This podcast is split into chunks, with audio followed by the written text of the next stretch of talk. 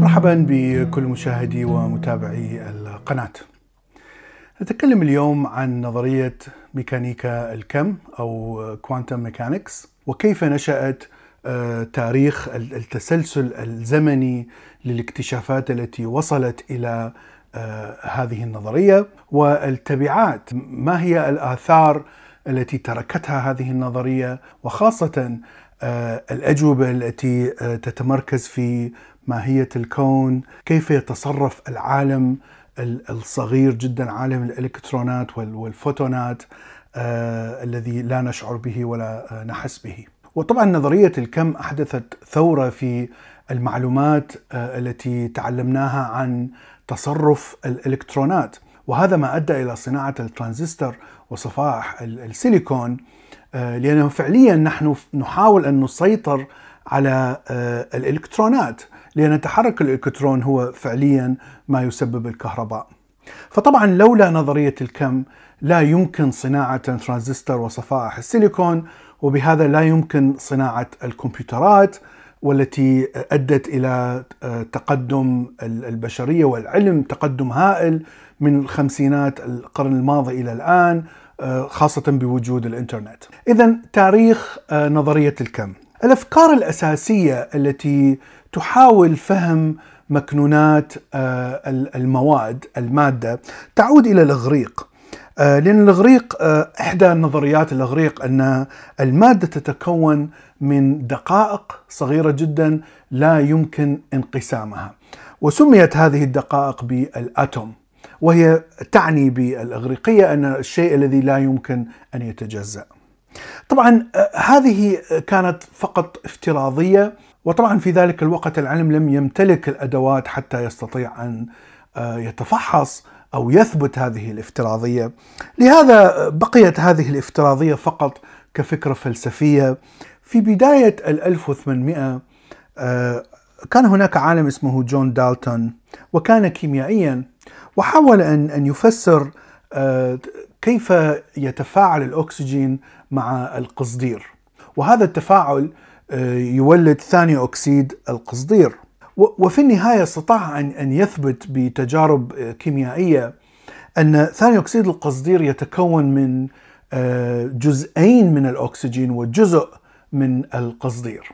مما أدى به إلى تفكير أن هذه العناصر تتكون فعليا من ذرات لأنها تحتاج إلى أجزاء معينة حتى تتفاعل. فاذا هنا بدأت فكرة الكمية أو الكم آه، بدأت تظهر في التفاعلات الكيميائية. بعد مئة سنة في آه، نهاية القرن التاسع عشر آه، هناك عالم اسمه جي جي ثومسون وفي تصوره وبعد سلسلة من التجارب اكتشف أن الذرات يمكن انقسامها هي ليست فعليا جزيئات لا تنقسم واستطاع أن يكتشف الإلكترونات داخل هذه الذرات. وكان يتصور الذرة آه، بشكل آه، كرة كبيرة والإلكترونات تتحرك آه، داخلها بحرية. ومن هنا استطاع أن يفسر الكهرباء استطاع أن يفسر المجال الكهربائي وكيف تنتقل الإلكترونات من عنصر إلى عنصر آخر. وبعد ذلك الوقت بقليل اكتشفت أن الذرات لها نواة وهذه آه، النواة آه، تبقى في الذرة والإلكترون هو الذي فقط يتحرك من ذرة من عنصر إلى آخر عندما يتولد الكهرباء. وأيضا اكتشف أن الإلكترون هو أخف وزنا بكثير من نواة الذرة. أيضا اكتشف في ذلك الوقت أن الإلكترون إذا ما حصل عنده اهتزاز معين فإن يتولد منه مجال مغناطيسي وتنبعث منه طاقة أو ما يسمى بال radiation وهذه الطاقة أو ال radiation تشبه الضوء. ومن هنا جاء العالم المعروف ماكسويل بوضع المعادلات التي تفسر هذا المجال المغناطيسي. واكتشف أن المجال الكهربائي شبيه جدا بالمجال المغناطيسي. فإذا كلما يتحرك الإلكترون حركة معينة هو فعليا يتحرك داخل مجال معين سماه بالمجال الكهربائي. والإشعاعات التي تخرج بعد أن يتحرك الإلكترون هي راديشن أو إشعاعات أو حرارة أو طاقة أو حتى تصل إلى الضوء. وهذه تتحرك داخل المجال المغناطيسي. وهنا جاءت فكرة المجال الكهرومغناطيسي لأنها فعليا تحدث كلها في system واحد أو في نظام واحد. اذا هذه الطاقة التي تخرج من اهتزاز الإلكترون سميت بطاقة الجسم الأسود أو black body radiation. واكتشف عندما يهتز الإلكترون باهتزازات بطيئة بمعنى الموجات التي تنتج من هذا الاهتزاز الطاقة والإشعاع اللي ينتج من هذا الاهتزاز يكون إشعاع بتردد بطيء يكون الضوء الناتج قريب إلى الأحمر. وعندما يكون الاهتزاز سريع بمعنى التردد يكون سريع تردد هذه الإشعاعات أو الموجات يكون الضوء يميل إلى البنفسجي. بوجود كل هذه الأنظمة التي وضعها مثلا تومسون رذرفورد عن الذرة وعن الطاقة الإلكترون وبجهة أخرى ماكسويل. حاول العلماء أن يضعوا المعادله التي تعطي الطاقة الناتجة من كل الترددات التي يهتز بها الإلكترون. وفعليا حاول الكثير من وضع هذه المعادلة لكن المعادلة كانت صحيحة في الترددات البطيئه الاهتزاز البطيء لكنها كانت خطأ في الاهتزاز السريع وفعليا كانت تعطي نتائج عالية جدا بحيث الطاقة التي ناتجة من من الاهتزاز السريع تقترب من اللانهايه فطبعا كانت المعادلات خاطئة.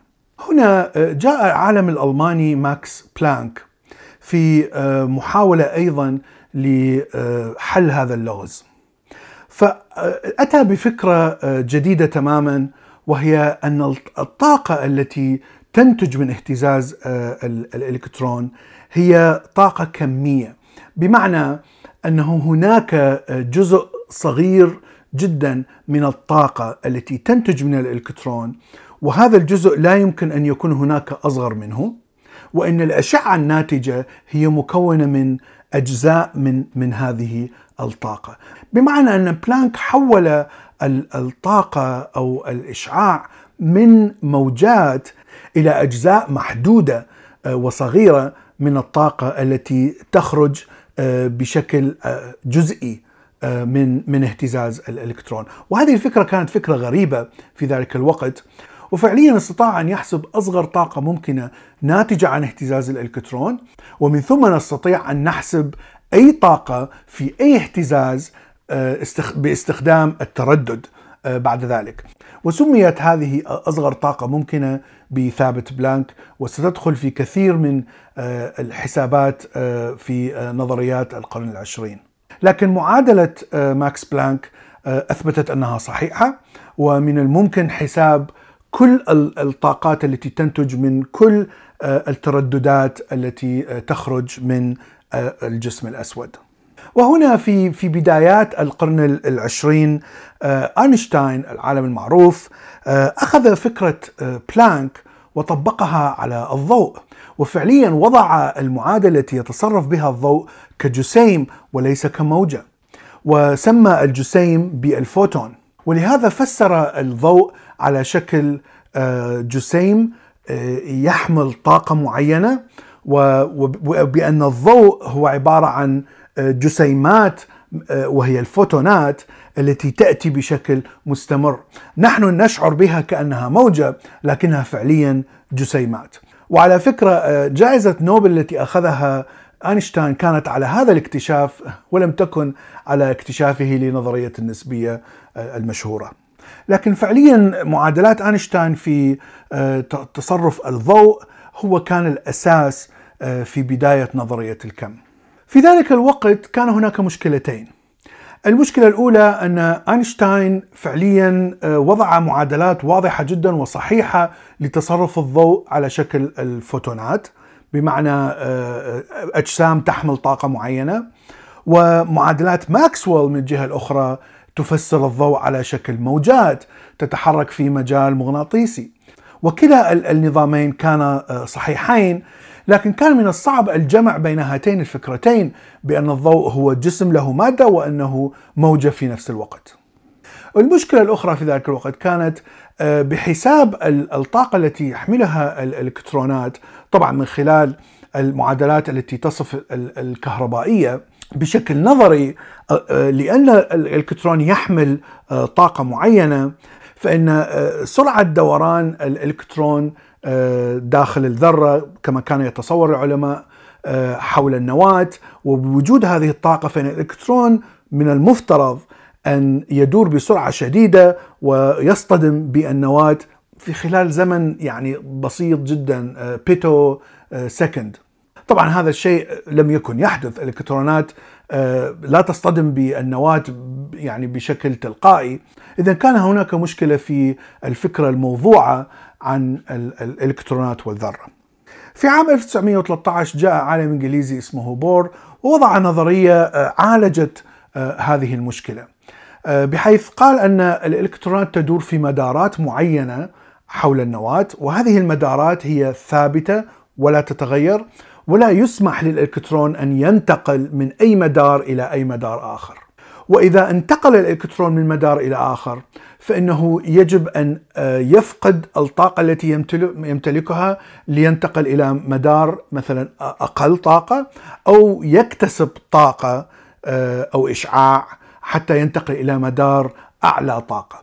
ومن هنا آه، فسر لماذا يخرج الضوء بشكل جسيمات تحمل طاقة معينة لأن انتقال الإلكترون إلى جزء معين ثم انتقاله إلى جزء آخر هذه الاهتزاز هو الذي يولد آه، هذه الطاقة التي تخرج على شكل كميات أو جزيئات محدودة. وهنا هذه الفكرة المهمة الثانية في الطريق إلى نظرية الكم. في عام 1924 آه، كان هناك عالم فرنسي اسمه دي برويل. وهو يقول آه، بما أن الضوء آه، هو يتصرف بشكل موجي وبشكل آه، فوتون أجسام مادية اذا ممكن أن أن الإلكترون يتصرف بنفس الطريقة. وهنا حاول أن يضع المعادلات التي تفسر حركة الإلكترون كجسيم له طاقة ومادة ووزن وأيضا كموجة. وهذه أول مرة في تاريخ العلم الحديث آه، يتكلم شخص عن الإلكترون كأنه موجة وليس آه، جسم آه، مادة. وبناء على عمل ديبرويل جاء العالم الألماني المشهور شرودنجر والذي وضع المعادلة المشهورة التي تحسب الطاقة التي ينتجها الجسم عندما يتصرف على شكل موجة خلال الزمن. وهذه الطاقة هي آه، طبعا آه، كمية يعني محدودة. وهنا سمى هذه المعادلات بنظرية الميكانيكا الموجية.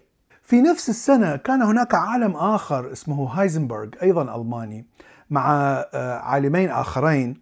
كان يفكر بشكل مختلف تماما بحيث لم يكن يهتم بالمدارات التي يتحرك فيها الإلكترون أو طبيعة الإلكترون هل هو موجة أو أو بارتيكل لكن حاول أن يفكر فقط آه، كيف آه، يستطيع أن يتنبأ بوجود مكان الإلكترون وسرعته آه، من خلال التجارب. لأن التجارب في ذلك الوقت كانت تعطي نتائج غريبة لا تتفق مع النظرية الكلاسيكية التي وضعت قبل عشر سنوات.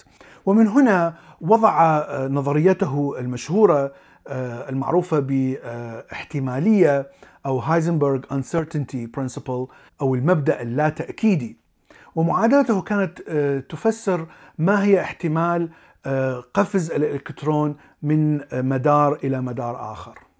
أيضا اكتشف أنه لوجود هذه الاحتمالية والغير تأكيد آه، من معرفة مكان وسرعة الإلكترون.